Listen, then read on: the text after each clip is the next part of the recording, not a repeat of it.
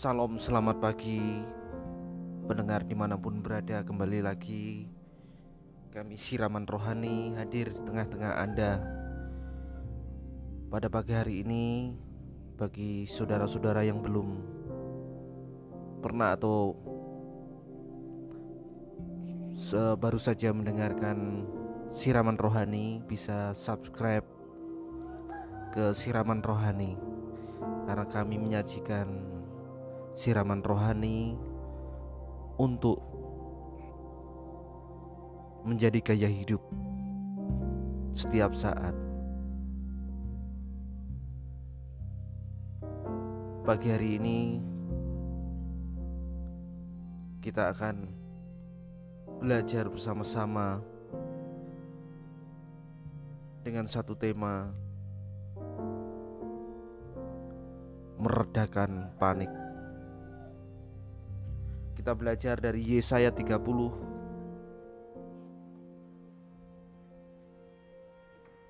ayat yang ke-15a.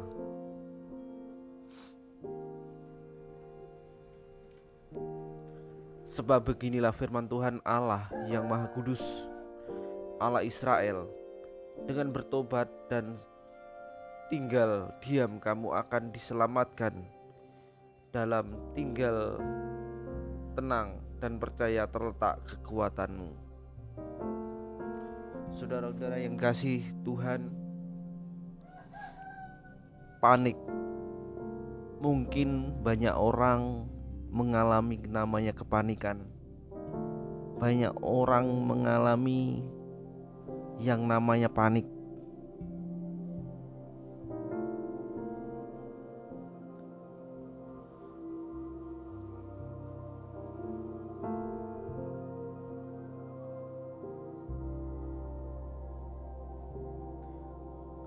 Orang tua mana yang tidak dapat atau tidak kaget saat mendengar atau mendapatkan kabar yang mengejutkan yang menyangkut masa depan anaknya.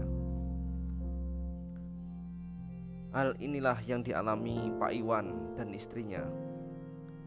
Mereka langsung panik saat putra sulungnya yang masih kuliah mengaku telah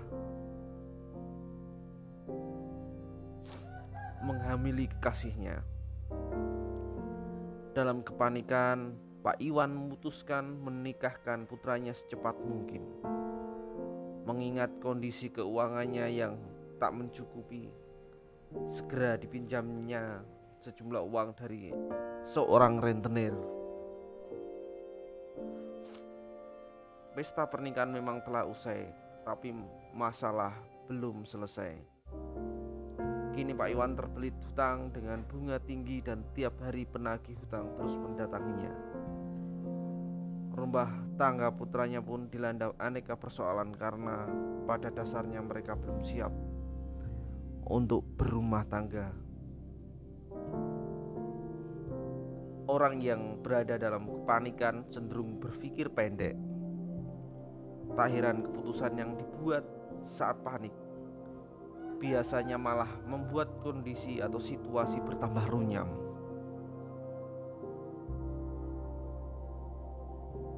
Ketika umat Israel menghadapi peperangan, mereka juga panik. Mereka telah memperhitungkan bahwa kekuatan musuh jauh lebih besar. Karena takut kalah, mereka segera meminta bantuan kepada tentara Mesir yang memang terkenal tangguh dalam peperangan mereka melupakan Tuhan yang merupakan faktor utama penentu kemenangan. Kemanik, kepanikan membuat mereka mencari jalan keluar yang menurut mereka lebih cepat dan praktis. Mereka memilih mengatasi masalah mereka dengan cara yes sendiri, ketimbang mendengar nasihat Tuhan untuk bertobat dan tinggal tenang. Hasilnya, tindakan mereka berujung pada kesia-siaan dan justru menambah masalah serta mempermalukan diri mereka sendiri.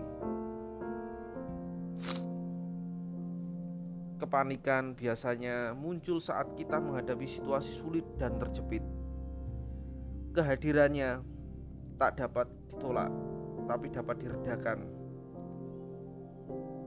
tentunya dengan cara hadapi setiap masalah dengan tenang dan disertai keyakinan akan pertolongan Tuhan. Pertolongan Tuhan tidak akan hadir dari sikap panik, tapi justru dalam ketenangan kita. Mintalah Tuhan untuk memegang kendali hidup kita dan menunjukkan jalan keluar yang terbaik. Jangan terburu-buru mengambil keputusan sebelum yakin itu jalan Tuhan. Di saat kita menghadapi segala sesuatu, kepanikan itu akan melanda kita ketika kita tidak tenang, ketika kita tidak tinggal diam dan tenang menunggu waktunya Tuhan. Saudara-saudara yang dikasih Tuhan, jangan pernah mengambil sebuah keputusan di saat kepanikan itu, apalagi keputusan itu menghasilkan sebuah kesia-siaan yang tidak dapat menghasilkan sesuatu yang baik untuk masa depannya. Demikian renungan pada saat pagi hari ini.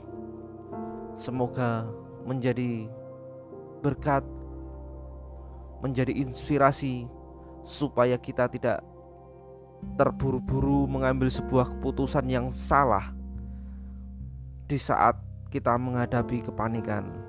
Jangan panik, tetap tenang dan diam sambil menunggu saatnya Tuhan kita berdoa. Karena apa? Tuhan pasti menolong setiap kita. Masalah yang kita hadapi tidak seberat dengan kemampuan kita Tuhan pasti berikan jalan keluar bagi setiap kita. Tuhan memberkati. Mari kita berdoa. Tuhan Yesus kami mengucap syukur buat kebenaran firman-Mu pada saat pagi hari ini di mana Engkau ajarkan kami untuk senantiasa taat dan tinggal diam bersama Engkau serta lekat dekat dengan Engkau ketika kami menghadapi sebuah kepanikan dan kami percaya Tuhan kau mampukan kami menghadapi segala sesuatu masalah di dalam kehidupan kami di dalam nama Tuhan Yesus kami berdoa. Haleluya. Amin